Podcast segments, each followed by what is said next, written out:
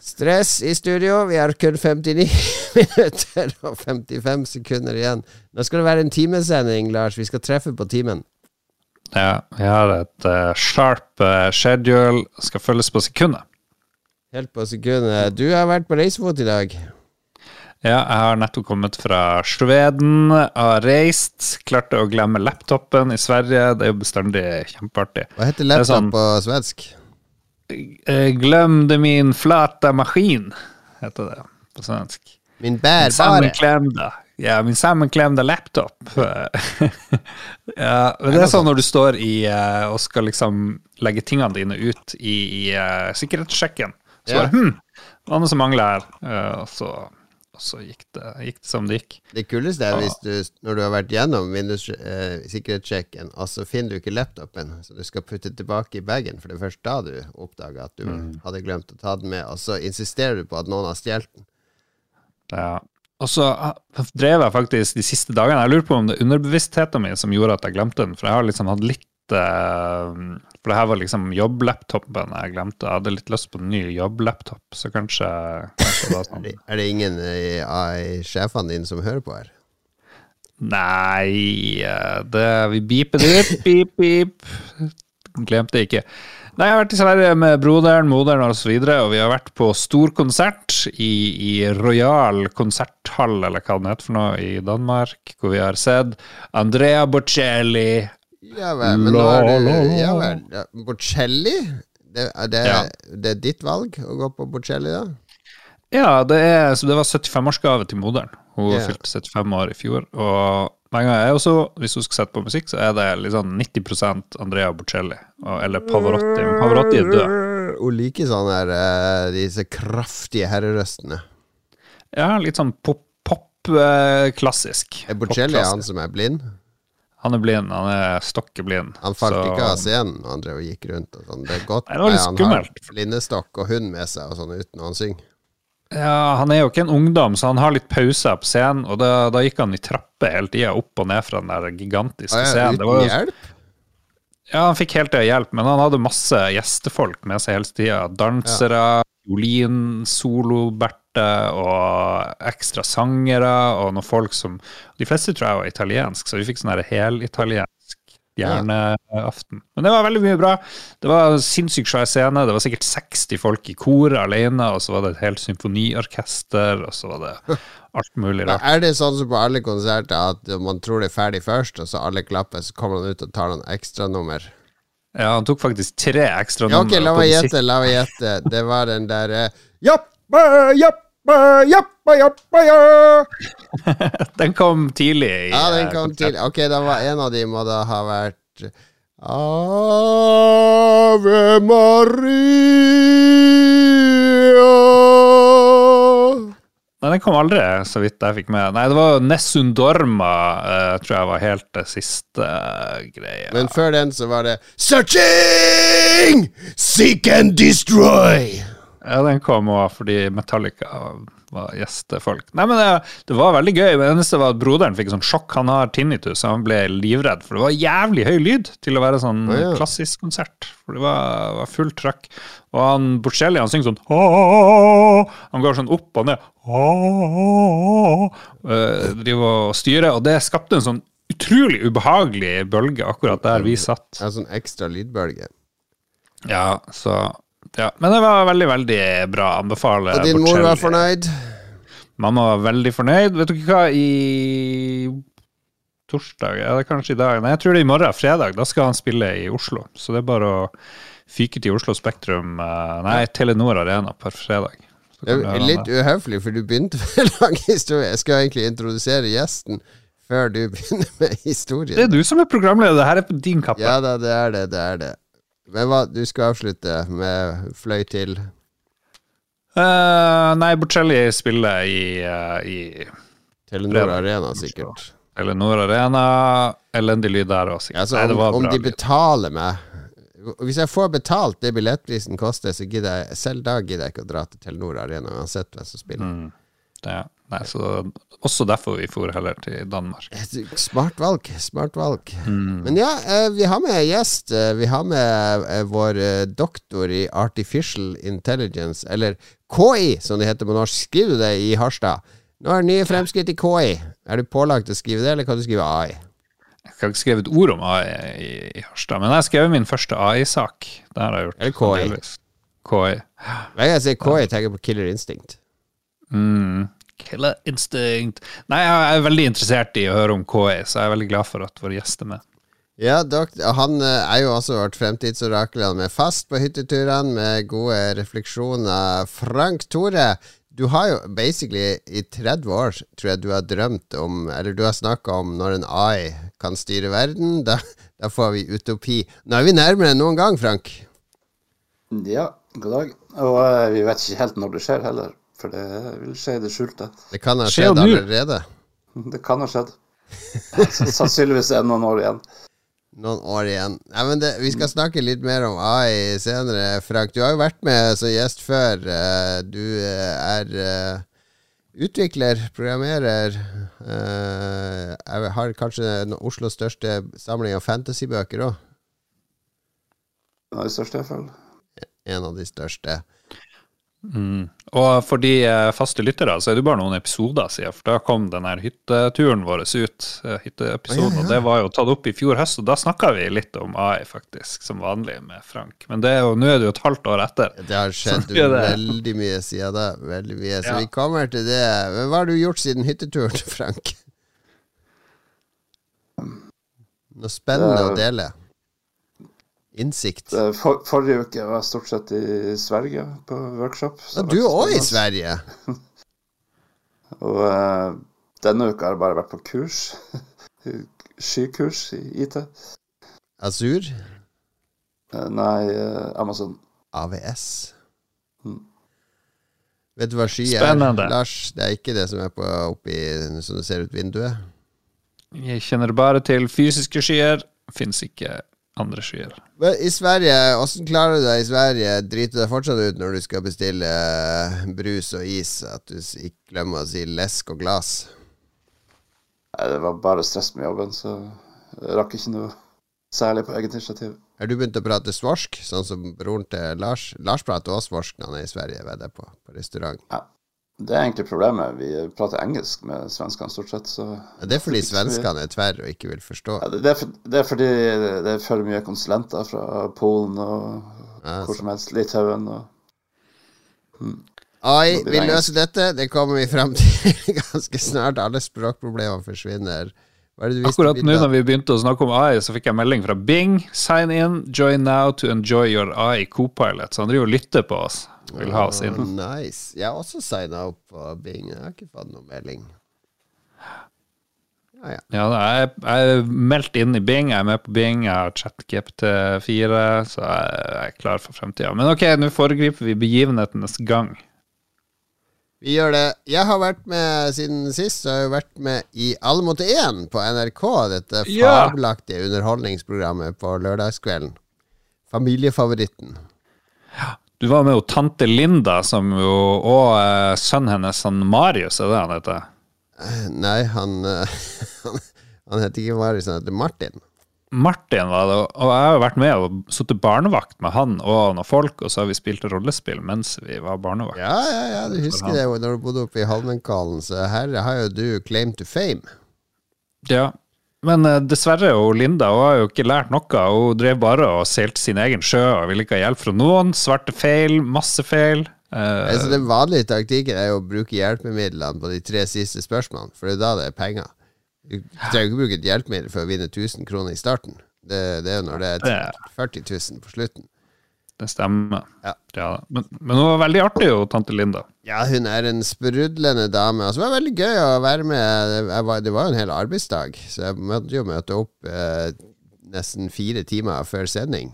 Og vi fikk middag og skulle bli kjent med det kjendispanelet. Og bli kjent med programlederne og bli sånn trygge. Uh, og så satt vi nå i de stolene, og så var det jo live. Jo Litt sånn som Vi har jo også hatt livesending. og Sånn. Her er jo ganske stor liveproduksjon, så hun er ganske proff, og der programlederen. Hun tar ting på strak arm, altså. Det er ikke bare Ja. å lede noe for 700 000 tilskuere. Så alt var ikke skripta, alt eh, hun må improvisere. Ja, må, jo- jeg hadde jo ikke forberedt noe som helst. Vi får jo ikke vite hva oppgavene er, så vi kan jo ikke begynne å forberede noe lure anekdoter om å finne på der og da. Så du på, Frank? Nei, men eh, det gir litt assosiasjoner til når han skal lede en gjeng med newbies i squad. Og prøve å forklare det hvordan de skal gjøre. Og, det. Er helt det samme.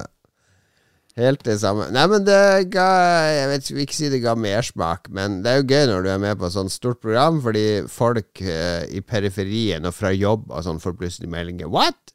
Jeg ser Jon Ka Er du på TV? Har du vært på TV? Plutselig er man eh, Plutselig er man sånn bitte liten eh, kjendis i noen minutter. Det skal da, Dere gjorde et godt inntrykk, du og han eh, Martin der på sidelinja. Ja, Kom med gode råd. Ja, ja, det var det jeg var mest nervøs for, at man skulle drite seg helt ut i sånne logiske deduksjoner og sånn. Men det, det var jo mye fysikkbaserte oppgaver, så jeg kunne briljere med gamle Konrad Ytterstad-kunnskaper fra Tofi og Trefi på Heggen. Ja, du drev og droppa Pythagoras, jeg husker ikke hva det var. Oh yes, og Newtons første og tredje lov. eh, Det var litt, eh, litt eh, for å imponere henne der Selda, for hun er jo Hun har jo realfagutdanning. Ja, det gjør det. Hun har peiling. Absolutt. Ja vel. Nei, dette var det som har skjedd siden sist. Rett og slett.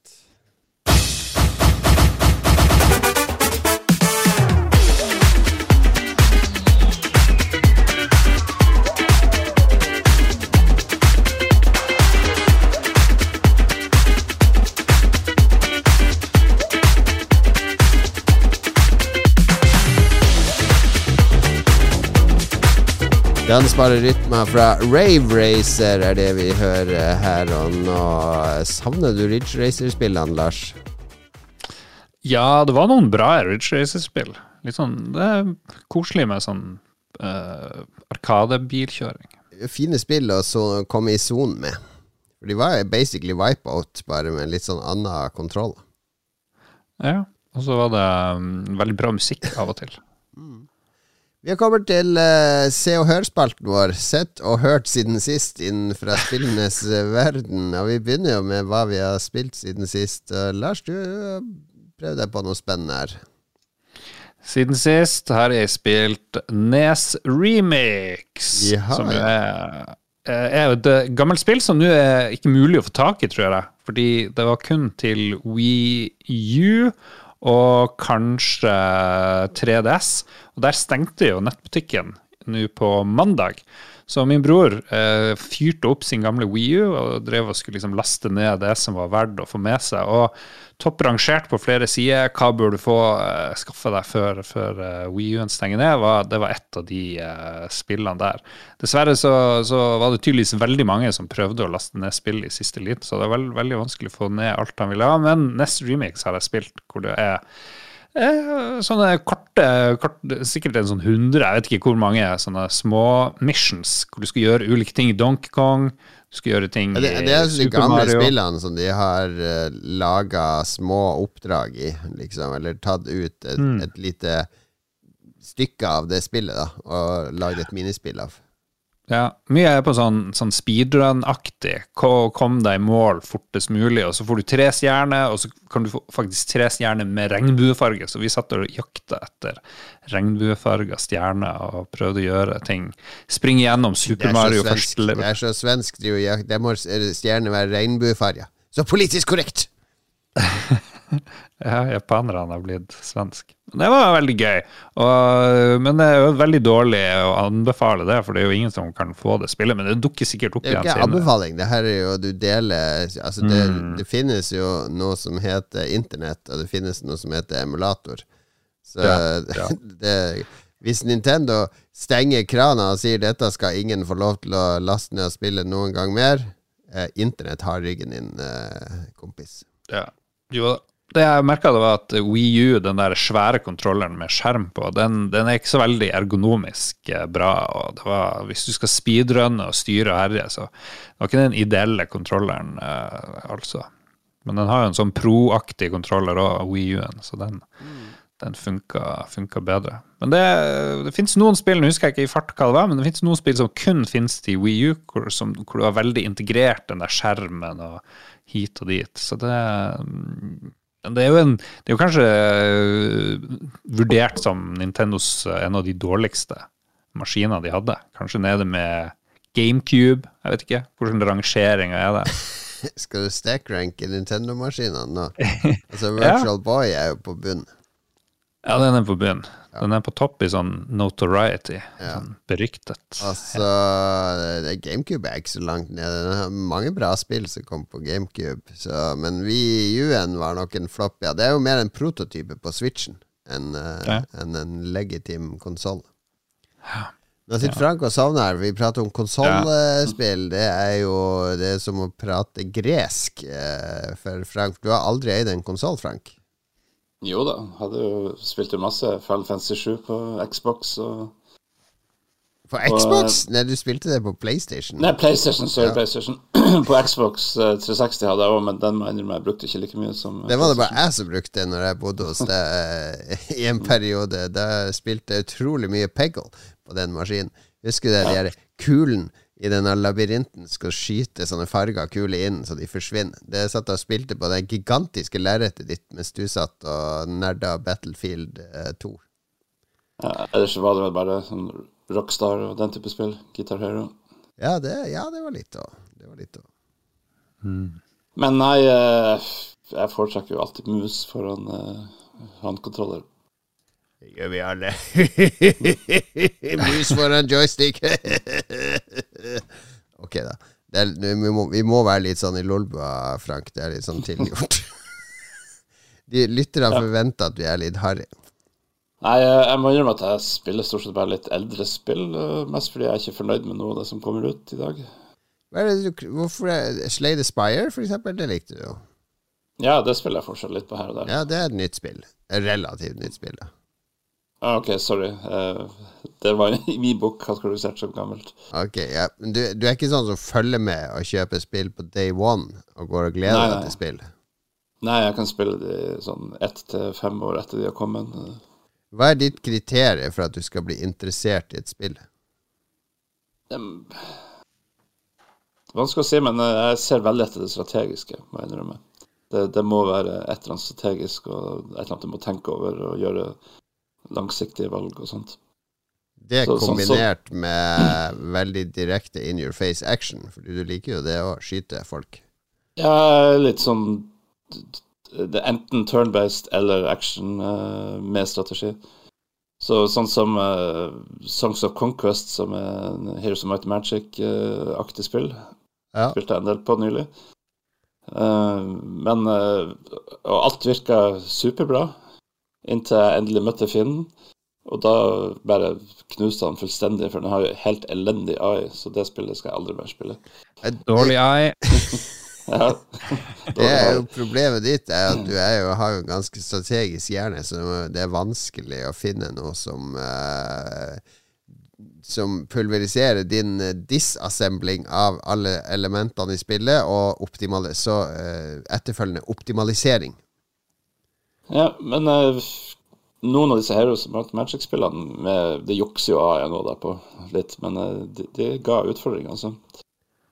Så jeg ja. prøver meg litt på Age of Wonders nå. Treeren uh, ser om det er noen ny, av de nye expansionene som er verdt å spille. Men er det noe du har spilt i det siste som du har lyst til å dra frem? Som noe spesielt eh, memorabelt som eh, lytterne våre kanskje kan eh, få lyst til å snuse på? Solasta. Jeg spilte eh, Solaste, er det det det heter? So Solasta. Crown of the Mag Magister. Oh, ja, oh, ja. Um, jeg spilte en expansion der nylig. Jeg spilte første spill når det kom, det første kampanjen, men da var det så buggy, så jeg lot det ligge et års tid. Ja. Og så var det kommet en expansion, og det var helt smooth, det var ingen bugs eller noe. Og uh, kjempebra. Det er sånn uh, Baldur's Gate-aktig, Dungeon Dragons-aktig uh, Gå rundt på verdenskart og ut i forskjellige Det er dungeons. sånn brettspill i dataspillform, ser det nesten ut som. Tenk uh, Baldur's Gate 3, den type spill. Ja. Icewind Dale. Baldur's Gate 2, for den saks skyld. Ja. Den type spill. Men ikke Ballerskate 1. Helt ulikt det. Nei, altså, det er jo den gata. Men skal du spille Ballerskate 3, da? Har du troa på det? Uh, jeg begynte jo på det, og så ble jo alt vipa. Så tenkte jeg nå skal jeg ja, Du må vente, vente til, til september når det kommer. Ja. Så jo, jeg skal selvsagt spille det. Jeg må innrømme at ja. uh, Hva det heter igjen? Uh, det er Divinity Original Sin. Der spilte jeg gjennom ene og koste meg der. Og så begynte jeg på toa, og, så klarte jeg ikke å bestemme for hvilken klasse jeg skulle spille. Det er så mange valg. Men det har jeg ikke lyst til å spille. Det er, det er fortsatt i character creation i ja. Divinity yes. 2. Jeg kjenner meg veldig igjen. Det er altfor mye valg i noen av de spillene. Så kommer man aldri igjen. gang. Lars, valg for deg det er jo hårsveis og hudfarge og tatoveringer og størrelse på ørene og sånn. Samme ja, ja. Samme Pathfinder, Rat of the Righteous. Jeg spilte jo en god del på det. Ja. Men mens jeg har lyst til å prøve noen nye ting, og der har jeg stått i character creation nå et halvt års tid. Fordi Frag sine valg, det er sånn derre pluss én på den staten, og så har han en sånn konsekvens eh, som, konsekvenser som brancher ut i forhold til når og vi, hvor effek, effektivt det og det kan være, og sånn. Uh, jeg, nei, character creation, men, det er bare for Men uh, dette er jo spill der du aldri får hørt om på dine valg, da. Det er jo litt ille, egentlig. Herregud, Frag, lev nå litt. Det, du valgte jo ingenting da du ble født. Du valgte å bli nærsynt og, og få få, skjegg, og dine character traits ble jo på en måte gitt til deg, og så har du forma det litt etter hvert. Jo, men i disse spillene uh, Du hadde fortsatt vært i magen til mor di hvis du kunne velge dine stats. Vi kan alltids omskolere oss, men uh, det er ikke alltid like lett i Pathfinder. Nei, det kan være. Det kan være. Kan ikke okay, velge intelligence og willpower og sånt på nytt. Det får du ikke velge. Ja, ja, vi skulle ha hatt Det kan vi ha på neste hyttetur. En sånn sesjon der alle lager character sheet. Vi lager det i plenum for hver av oss. Så da måtte jo Vito da lage character sheet til Frank. Altså jeg og Frank laga mm. character til Lars. Måtte vi bestemt sted hvor, hvor, mye har Lars i strength? Hva er hans karisma? Intelligence. Det kan bli en vond, eh, en vond seanse på hytta, det der. Nå hadde vært også artig hvis man bare lagde nye character sheets. Så må du spille at du uh, enten har utrolig mye wisdom eller veldig lav uh, dex, ja. f.eks. Mm. Ellers har jeg veldig lyst til å få dere med på en streaming der uh, vi, vi, spiller squad. Med det spillet jeg har brukt 4000 timer i det siste. ja, vi er en squad av Jeg skal kommandere dere rundt. Jeg har vært og sett på det der squad, og det er så høy terskel å begynne med. Det er det jeg sliter med.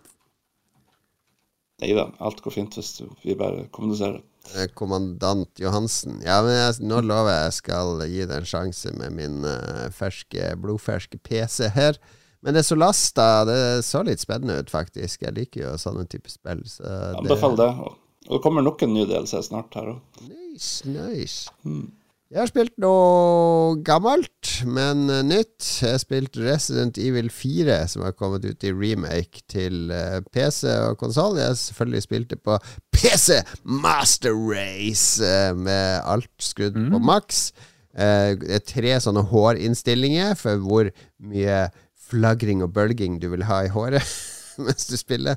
Det, det er japanerne. De elsker det hår, hårsettings. Mest mulig realistisk hår fra å være en sånn fyr som er mest interessert i gameplay og sånt, så har du blitt en sånn mega-PC-FPS-gnukke. PC Master Race! Ray Tracing. Nei, jeg liker jo gameplay òg. Jeg har ikke spilt Resident Evil 4 siden det kom på GameCube første gang. 2006, eller når det var.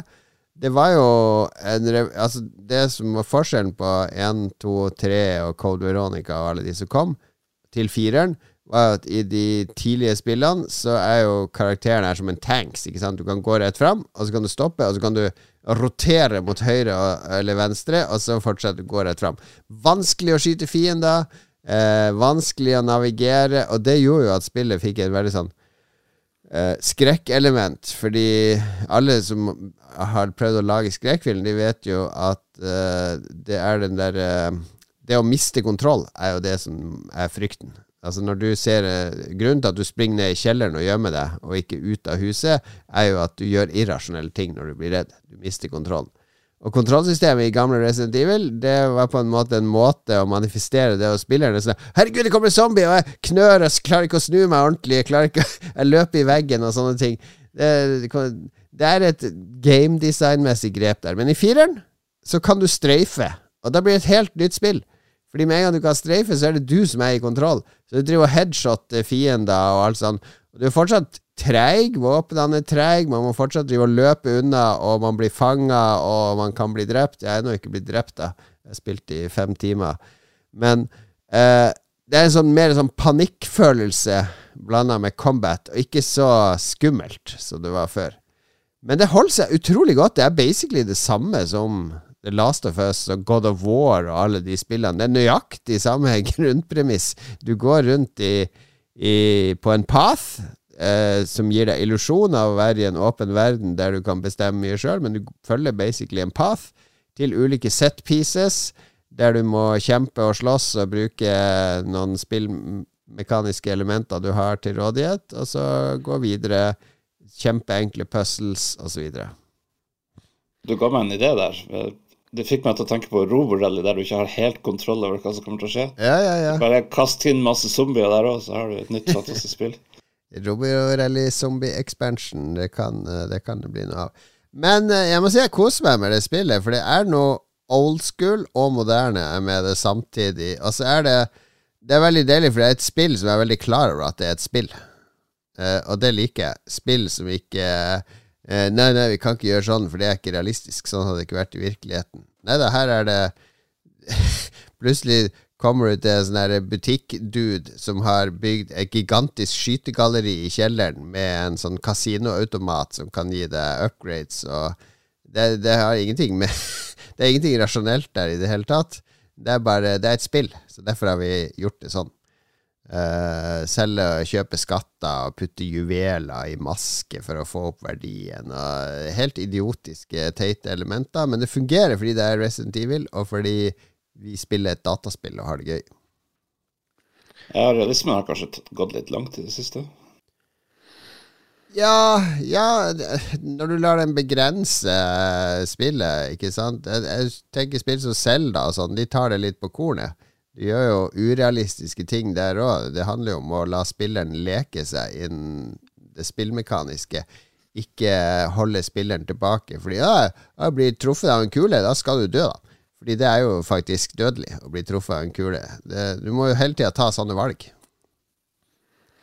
Begynte å tenke på at sånne filmatiseringer og TV-serier av spill er jo veldig urealistisk. For egentlig i de her filmene så skulle man egentlig bare strafa og gått i ring rundt fienden hele tida. Ja. Uh, og rygga, gått bakover hele tida. Altså ta teabagge alle fiender når du har drept dem. Det er det han Joel skulle gjort.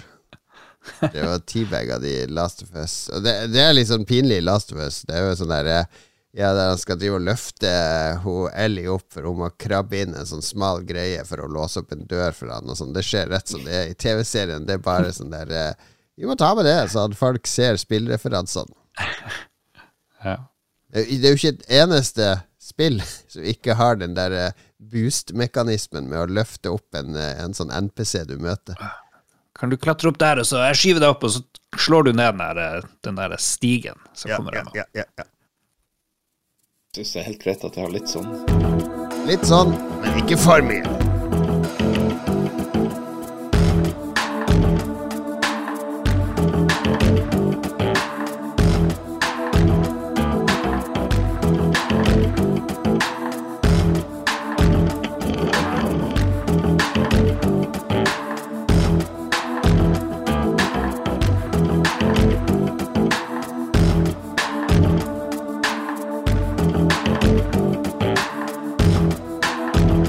Stemningsmusikk fra Shin Megami Tensei 5 her.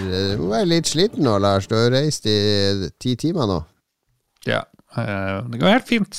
Jeg har drukket mye kaffe på turen, og ja Hadde verdens artigste busstur hjem, men den skal jeg fortelle om i neste podkast. Ok, ok, bra. Vi sparer, sparer litt til den. Vi skal nemlig Nei, vi kan ikke røpe behind the scenes her. Se og hør heter jo denne spalten. Vi har jo hørt ting siden sist, og vi har noen news. Og jeg kan ta min først, for den er direkte kobla til det spillet jeg akkurat snakka om. Uh, Resident Evil 4-remaken som jeg har spilt, den solgte tre millioner eksemplarer på to dager.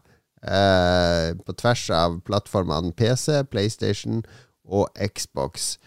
Og Er det det så spennende nyhet, Jon Cato? Tenker du kanskje, Lars og Frank? Men jeg syns jo det er um, Det blir ikke mindre av disse remakene nå. Hmm. Nei, men det har kommet så lite nye ting, da. Ja, det kommer lite nye ting, fordi Capcom regner på det. Eh, la oss lage, eller Square Enix, la oss lage en ny lisens, sånn som det er Forsaken-spillet som Square Enix ga ut nå etter jul. Floppa. Solgte dårlig. Ny lisens. Folk kjenner ikke til det. Capcom sier hva? Hva er det folk eh, Hva er det som er garantert å selge? Jo, vi remaker alle Resident Evil-spill. Det er jo remake av toeren og treeren og fireren. Og eneren har vært remaka to ganger.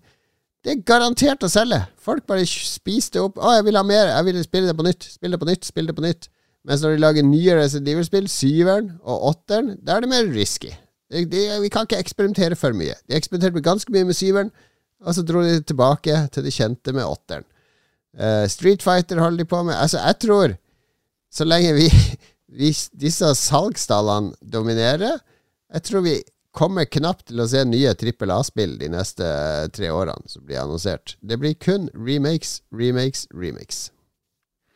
Når eh, filmbransjen har holdt på sånn eh, med stor suksess i 40-50 år, så er ikke rart at Ja, ja, der òg er det et oppgulp. Men nå er det, det er blitt så dyrt, ikke sant? Altså skal du, du skal jo selge 3-4-5 millioner av disse dyre spillene for å gå rundt. Så det er altfor risikabelt. å, å lage en helt ny lisens. Jeg tror ikke Sony kommer med noe nytt. Etter. Det kommer ny Horizon. Kommer ny Uncharted. Kommer ny Last of Us. Det, det, skal så mye til å bygge opp en ny franchise nå. Um, så mye høyere risiko. At jeg tror vi går inn i remakens tidsalder, og at vi som er spillinteressert, må gjøre enten som Frank, spesialisere oss, drille oss ned i uh, spesialsjangre, som er uh, akkurat tilpassa våre eh, behov og ønsker, eller eh, vi må gå til indie-spillene. Og Da er det jo god anledning for eh, Kina å eh, komme inn på spillbransjen og ta over med trippel A, mens de andre ikke har råd.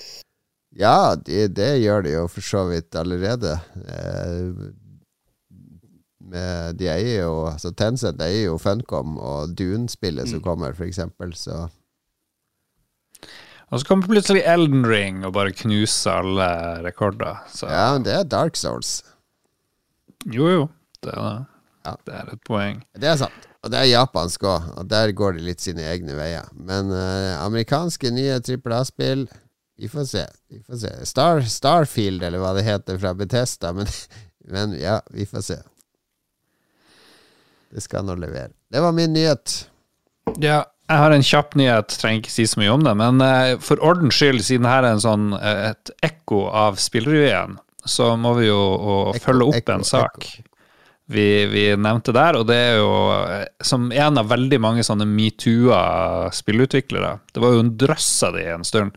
Ja. Masse folk i Ubisoft og hist og piss. Men han Chris Avelone, som, som er en sånn story-fyr han har jobba på masse kjente spill. Fallout eh, New, Fallout, Vegas, New Vegas, og uh, gamle Fallout-spill og masse rollespill. Ja. Og så videre. Og han, han ble jo eh, Han mista jobb og masse greier. Det var noen kvinner som kom og trakasserte han, men nå så har de her damene som, som anklaga de har visstnok betalt, skriver Bloomberg, um, at, at de har droppa charges, og nå er det de som må betale.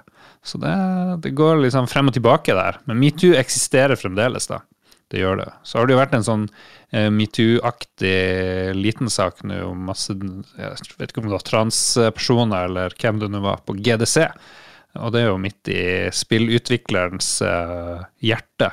Ja. Der har det vært noen sånne uheldige ting, visstnok, som, som har skjedd. Så det er fremdeles litt eh, metoo på gang. Det Metoo har kommet for å bli, er det det du sier? Ja, det er en stayer. Holder seg veldig, veldig bra. Ja, jeg husker jo Chris Avalon-saken, og man blir jo uh, Ja, Det er, det er vanskelig tematikk, vi har jo også laga episoder med, med, hvordan uh, norske kvinner i spillbransjen har blitt behandla. Og kanskje uh, Det er jo ikke bare glansbildehistoria der. Og Vi kan jo også ta Vi sparer det til neste episode, men det er jo en gladnyhet fra Norsk Filminstitutt nå, som har starta et mm. nytt program som vi kan ta ja. for oss i neste episode. Ja. Men så jeg må innrømme at da han Avelone ble anklaga, så jeg, tror, jeg tror jo automatisk på de her damene som står frem. Så det er jo Man tenker jo at ja, ok, masse metoo-anklager, da er det, da er han skyldig, og så er, er han kanskje plutselig ikke det. I hvert fall ifølge de som anklager han. Så det er jo det er jo en vanskelig tematikk. Jeg syns det er litt rart å stå frem hvis det ikke er noe der. Ja, det er jo det.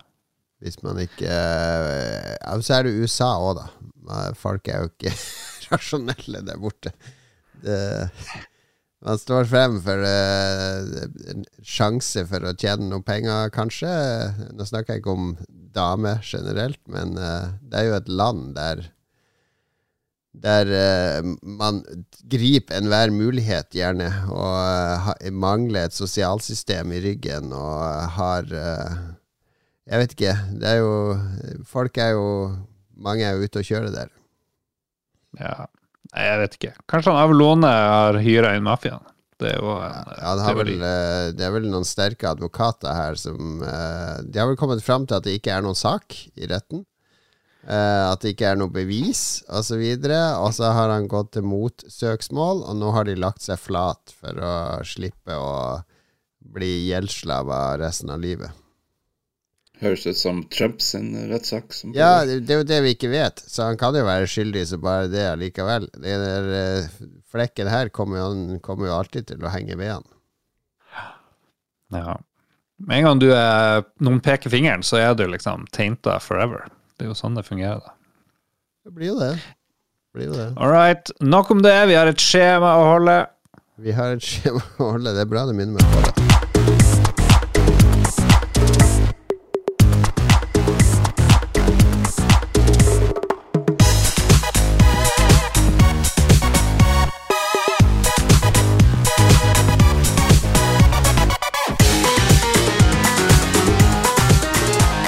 Of the Necrodancer er det vi hører musikk fra her.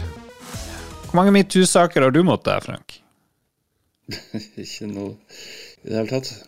Ikke engang når Nikki Minaj var på besøk på kontoret ditt? Altså, Sist ei dame forsøkte å legge den på meg, så tok hun ikke av seg gifteringen, så uh, da ignorerte jeg henne. men uh, og, så gikk det to måneder, og så skilte hun seg. Men det kunne ikke jeg vite, liksom. Det er jo de beste damene å menge seg med, det er jo de med giftering. Da vet du, da er det, det er supertrygt. Det er, de har ikke egentlig lyst på det. Ja. Men det, det, er ikke metoo, da. Jeg tror, nå, nå vanner vi ned begrepet metoo for at en dame med giftering prøvde seg på det, Frank. Nei, det var det motsatte, men ja. var, ja. Ok. Uh, AI-prat. Først og fremst, hvordan vet vi nå, Frank, at vi prater med deg, at du ikke har uh, trenden AI opp til å være Frank på podkast? Godt spørsmål. Jeg har ikke noe svar. Uh, den er jo i stand til å eh, gjøre bilder og lyd real time, som, som kan etterligne hvem som helst. AI har, jo blitt, ja. uh, har jo blitt superaktuelt igjen. Vi snakka om det i forrige episode òg, men uh, nå er det jo uh, igjen superaktuelt. Fordi vi tenkte jo ja, ja, AI, nå er det masse fin AI, og det er kjempebra. Og så kommer masse folk som har kjempepeiling, Uh, skal vi ekskludere Elon Musk her? Jeg vet ikke, Han er jo en av de tusen sånne her superfolkene som har satt seg veldig inn i det. Blant annet de som lager den der Stable Diffusion, som vi bruker for å lage sånne artige Midjourney AI-bilder. Driver og vil ha sånn brems, full brems i seks måneder på AI-utvikling som er mer avansert enn eh, det som finnes uh, i dag. For de er redd for enorme konsekvenser, negative konsekvenser for samfunnet. Er dette ja. riktig, Frank? Det stemmer. Nå har faktisk Elon Musk, uansett hva man må mene om personen, så har han faktisk advart om det her i årevis.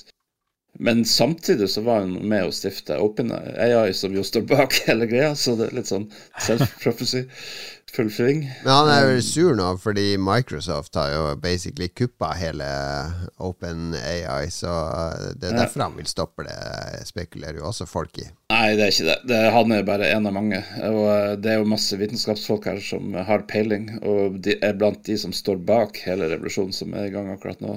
Som, eh, for det, det som skjer nå, er at det skjer en voldsom arms race. Uh, bakgrunnen til det hele er jo at uh, Microsoft ser ut til å skal prøve å kuppe Google sine markedsandeler på søk.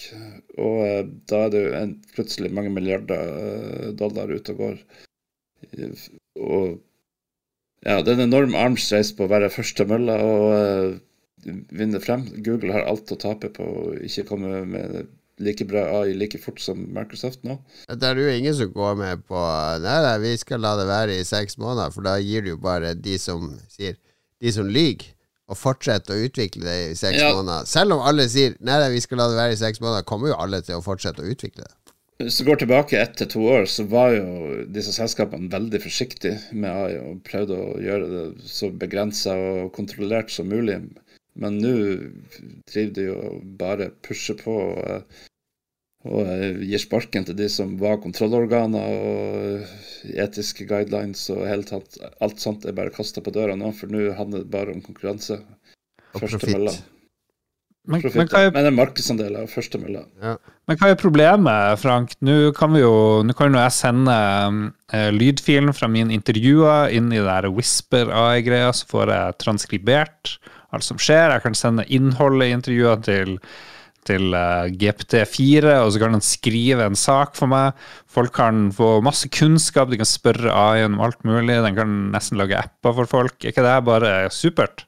Vi har nå teknologien til at vi kan utstyre en robot så den kan gå rundt og oppføre seg akkurat som oss, og interaktere med alt den ser på samme måte som oss. Gjenkjenne alt den ser og forstå hva den skal gjøre med det. Løse oppgaver på samme måte som oss. Uh, i, i, snitt så er jo AI-en i dag uh, litt smartere enn oss på IQ-målinger. Jeg tror det, Hva var den lå på? Sånn 140 IQ eller noe sånt? Det er jo langt forbi oss allerede. Nå er det ikke like smart generelt, men bare på logiske oppgaver er den smartere. Den har ikke kommet like langt som oss før den første AI, en uh, metoo-anklage, en annen AI. Ja, det, det, er så sykt mye å prate om her. Uh, Men de, folk sier ja ja, men de kan allikevel ikke være kreative. De kan ikke finne opp noe helt nytt. Ja, og der er folk teit, fordi eh, folk overvurderer hvor smart mennesker er. Mennesker er ikke så jævlig smart. Vi er jævlig trektenkende. Vi resirkulerer, altså 99,99 ,99 resirkulerer vi vel andres ideer og tenker at det var yes. våre. Ja, bare se på musikk. Det, det, er sjelden at det kommer noe nytt og originalt som ikke har noe inspirasjon fra noe tidligere. Ja. Og, og eh, AI-en fungerer jo egentlig på akkurat samme måte som oss. Det er assosiasjon og eh, prøving og feiling og erfaring.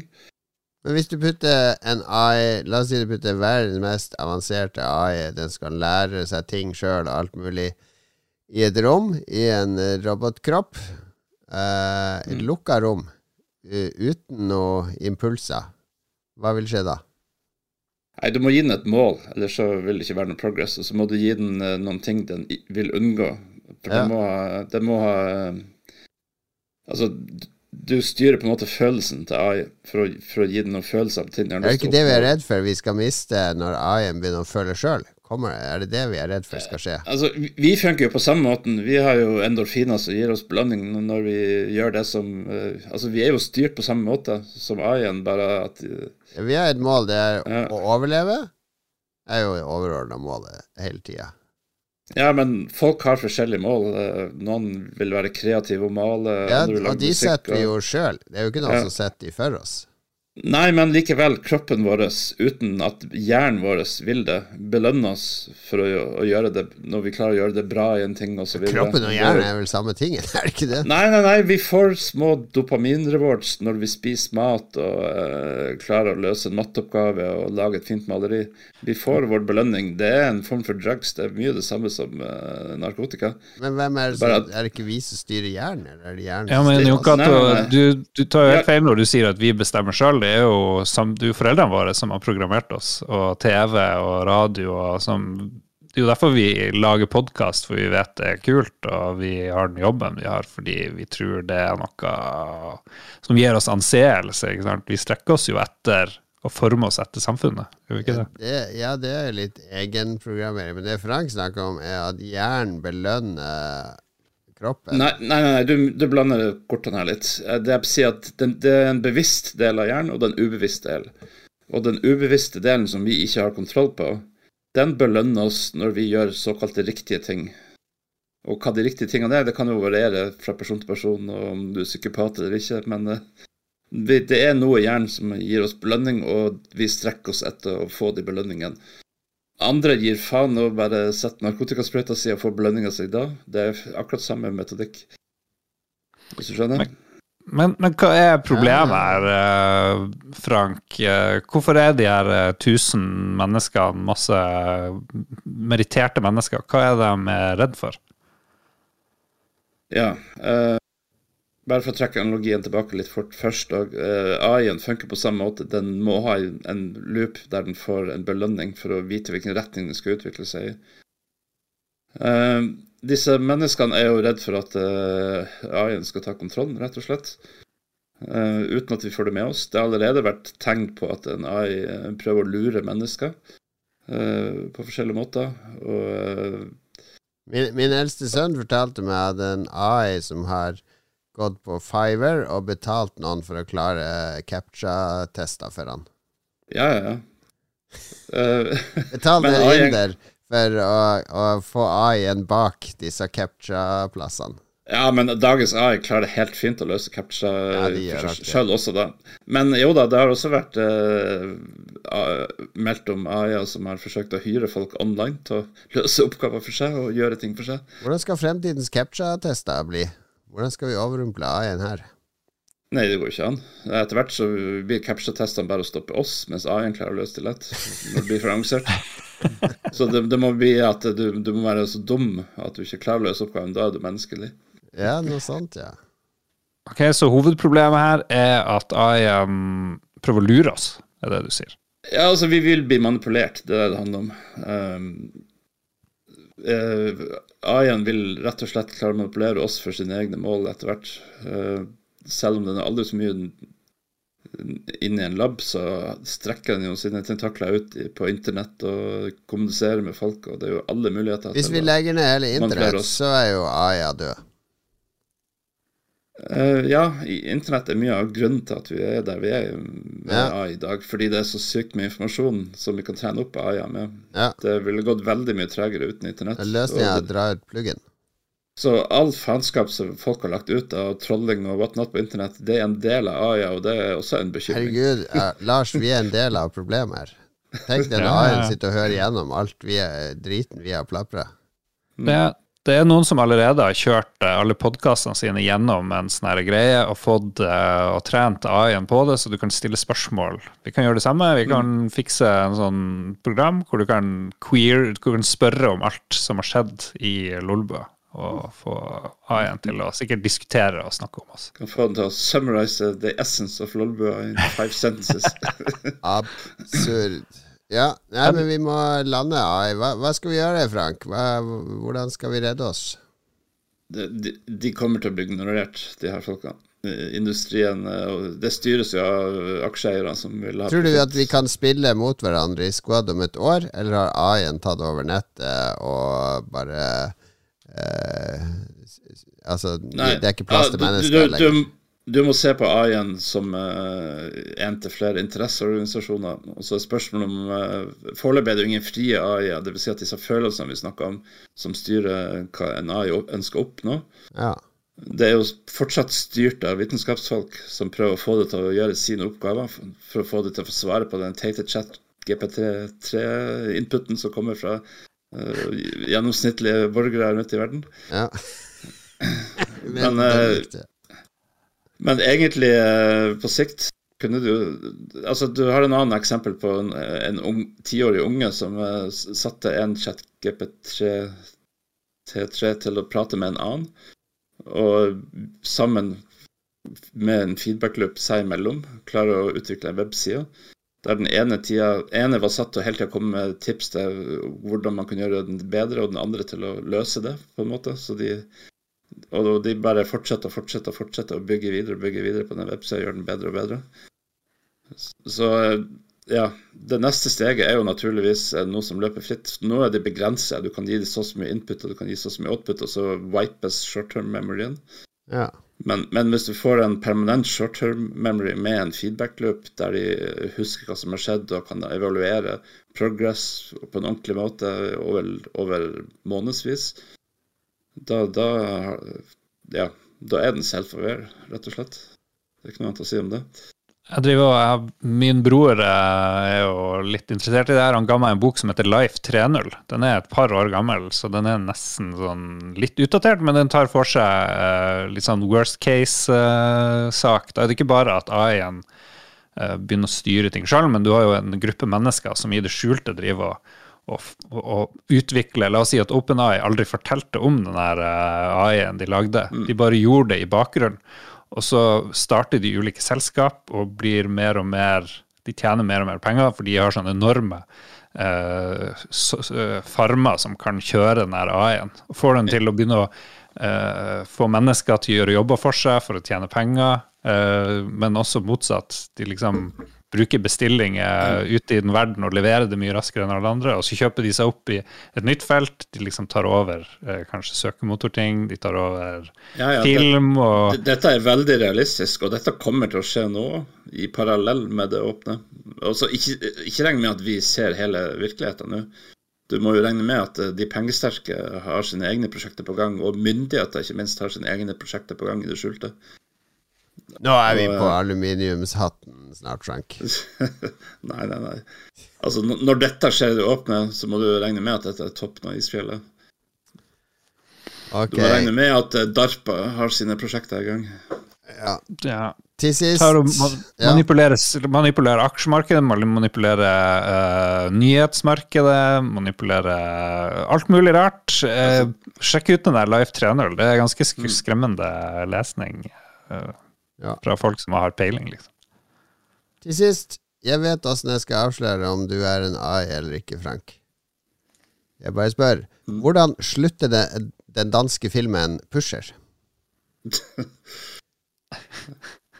ja, nei Franke, Franke, vet du ikke hvordan den film slutter, Franke? Hæ? Har du ikke sett den for Franke? Du skuffer meg, Franke. Du skuffer meg. Jeg regner med han overlever, for det var en Pusher 3, var det ikke?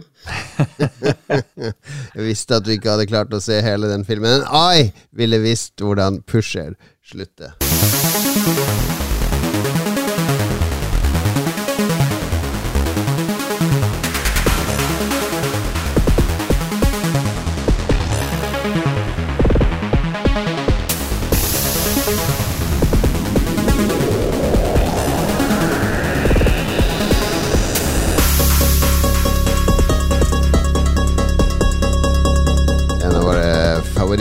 Favorittkomponist er her. Ben Prunty, kjent fra FDL, men dette er fra Into the Breach. Også et veldig bra spill. Into the Beach. Før vi, det er jo veldig mye Vi har jo begrensa tid, som vi har sagt, men uh, har AI-utviklinga gått mye fortere enn du trodde, Frank? Uh, ja, det var, kom jo et gjennombrudd her for noen år siden. For et par år siden som uh, ja, som jeg trodde krevde mer spesifikk hardware, men som klarte seg med den generelle hardwaren vi allerede har. Så ja, litt kjappere enn jeg hadde trodd. Hva gagner menneskeheten mest? Krypto eller AI? Definere AI eh, Definere gagne, men eh, AI har potensial til både gagne og skade menneskeheten mest. Ja, Men krypto har bare potensial til å skade? Krypto er jo bare en bagatell i forhold. Um, men eh, AI, det, det, er ikke noen ja. tvil om at vi trenger en, eh, en verdensomspennende pengenhet som ikke er styrt av myndigheter i forskjellige land òg. Ja, det kan AI mm. lage. Ok, Siste spørsmål. Er, er AI en like stor eh, revolusjon som internett? Ja, det er det. Mm. Minst like stor. Vi skal ha, Siste spalte blir anbefalingsspalten. Recommendation Vi har jo noen, eh, noen AI-relaterte spørsmål fra lyttere nå. Ja, du kan plukke frem det. Men først så kan du prate om din anbefaling, som jeg anbefalte for fem år siden, og du lo av. Ja. Hva skjer når det går tom for strøm? Stå utenfor døra, kommer seg ikke inn! Jeg skal aldri ha noe sånn! Jeg vet ikke om jeg sa det, men eh, Jeg skal, jeg tenkte jeg jeg skulle skal faen meg grave opp den episoden. Skal jeg hente fram det lydklippet. Jeg måtte jo sikkert provosere litt. Men eh, jeg tenkte Jeg husker at du anbefalte det her for masse masse år siden. Ja, og ja, Og jeg tenkte jeg skulle si at det var en eh, veldig god anbefaling. Fordi Ja. eh, da. teknologiske fremskritt nå. Ja, vi er jo veldig redd for teknologiske fremskritt nå, men vi får håpe at AI-en ikke får tilgang til Yale-konsernet, hvor vi plutselig alle er låst ut av husene våre. Ja, den er jo kobla på wifien min, så Ja. AI-en kan ta kontroll her når som helst. Ja. Før så var jeg bestandig drev og leta. Hvor er nøklene mine? og nei, jeg har glemt nøklene mine. Jeg er redd for å miste nøklene mine. Det er en saga blått. Går aldri med nøkler lenger. Nå eh, oppdager jeg døra mi, en sånn Yale Doorman L3, eller hva den heter. Om jeg er på vei hjem, så bare låser den opp døra når jeg er noen meter unna, og så bare går jeg inn. Det er altså en Yale Doorman jeg skal anbefale. Det gjør livet så sykt mye bedre. Og så kan du gi kode til håndverkeren, og så kan du gi kode til eh, din datter, sånn at du vet om hun har kommet seg hjem eller ikke.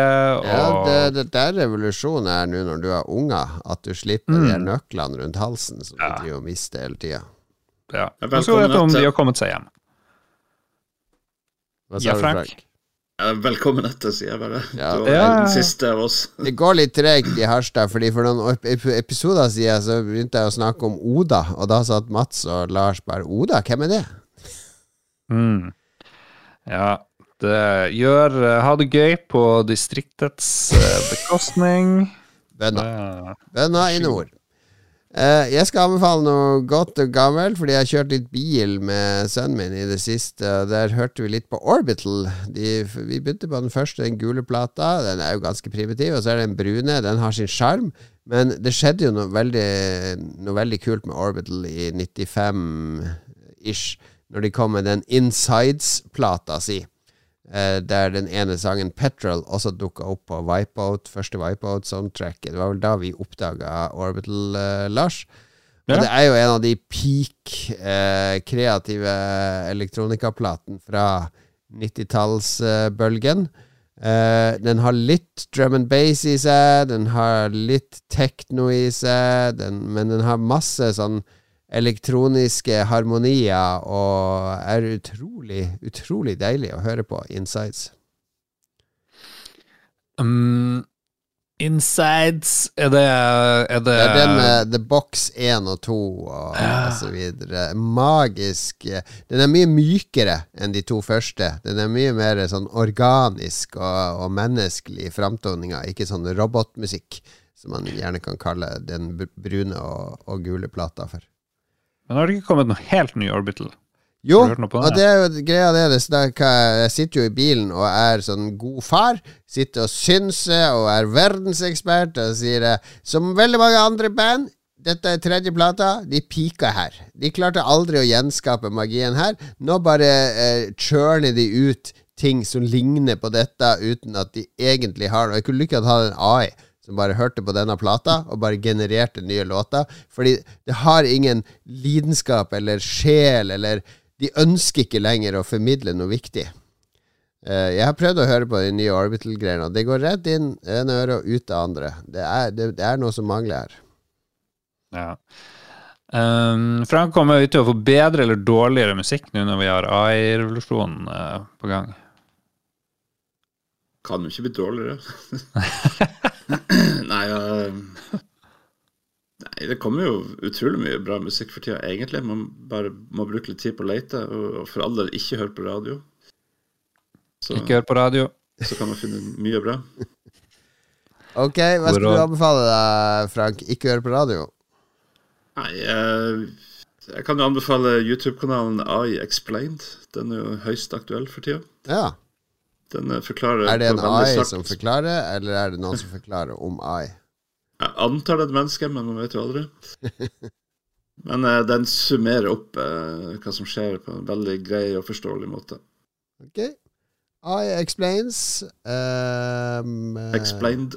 Explained, Orbital Insights og Yale Dorman L3. Vi har bare ett minutt igjen, eh, Lars. Skal du kjappe deg og ta noen lyttebidrag?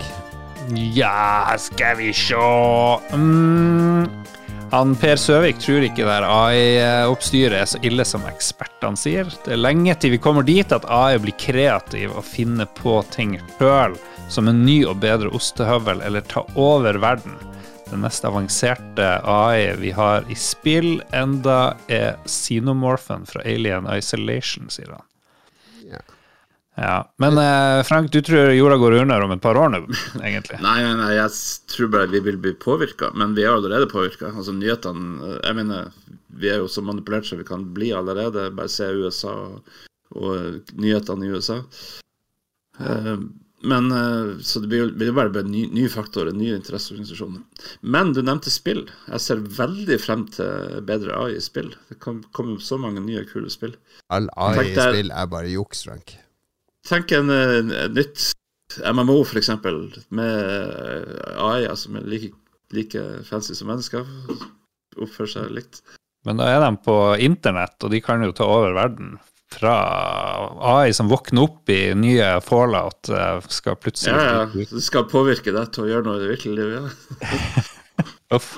Eh, René B. Lindberg han syns det her er skummelt. eh, Og å velge utdanning i dag, det er som å gamble. I fremtiden blir de fleste som jobber på kontor, en kontroller innen sitt felt, og AI vil gjøre det tyngste arbeidet. Og så tror han at eh, veldig mange av oss vil få borgerlønn før vi går ut i pensjon. Og eventuelt så må vi omskolere oss til helsearbeidere for å ta unna eldrebølgen. Jeg gleder meg til det blir sånn som i de culture-bøkene til han, han Ian Banks som skriver de. Der vi bare kan Ja. dille dalle, og så ja, 'Nå vil jeg være en dame', 'nå vil jeg være en mann', og det, bare, bare prøv å finne deg sjøl konstant. Jeg er enig med deg hva skal jeg si, positive settinger det har skjedd noensinne i science fiction. Ja. Ja, ja, ja. Culture, culture. Elsker det. Mm. All right, skal vi stoppe det. der, Lars? Eh, ja, Peter Parker, kult, men ikke så banebrytende som mange ser for seg, så han, eh, han eh, har ikke helt trua på det her. Det Det sier han det som er oppkalt etter en tegneseriefigur. Han er en av vei. Kanskje han er Peter Parker. Vi er ved veis ende. Det betyr at vi må takke våre produsenter, Lars, med en AI-stemme. Ja, typisk AI-stemme. Eh, da må vi si takk til TTMXMP. Tusen takk til Duki Jarlsberg. Jeg skal tjene deg godt. Bjørslo. Du må dø, Bjørslo. Kill! Ma- Tommelun, what is thy wish, master? Hei, Gøran. Kan du, Helge Nils, kan du fære på butikken og kjøpe en saks, og så gir du den, eh, putt den i postkassa der, så kan noen andre fære og hente den etterpå. Tusen takk. Det var det, noe av det dårligste takkinga vi hadde noen gang, Lars. Det var AI-en som sa det, ikke? Vi må i hvert fall takke vår uh, fremtidsekspert Frank. Ja. Vi må ha mer Frank i mikrofon. Uh, vi fikk jo bare skrapt i AI-overflata her. Ja. Jeg regner med innen hytteturen i ca. ish september. Altså, ja, vi skal jo på Formel 1-tur før det, så vi tar vel med oss en H6 der, Lars. Ja, ja. Hvor, eh, kan en. AI kjøre raskere enn Max Verstappen, Frank? Siste spørsmål. uh, ja, på sikt. Ja. That'll be the day. Det er det. Tenk den dagen en robot slår et menneske i sjakk. Det er ikke bare det. Du kan jo utvikle eh, Formel 1-bilene kjappere og bedre. Da kommer ingen mennesker til å se på. Sånn er det med den saken. Takk for i dag. Takk til deg, Frank. Ha det bra.